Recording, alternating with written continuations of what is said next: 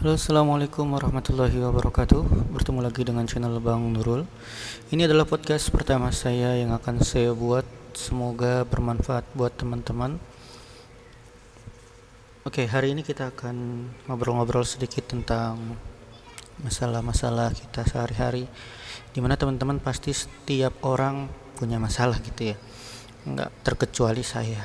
Saya juga punya masalah. Tapi yang terpenting adalah bukan seberapa besar masalahnya gitu tapi seberapa besar kita mampu menghadapi masalah yang Allah berikan pada kita. Karena nggak mungkin Allah ngasih masalah kepada kita kalau kita nggak bisa menghadapinya.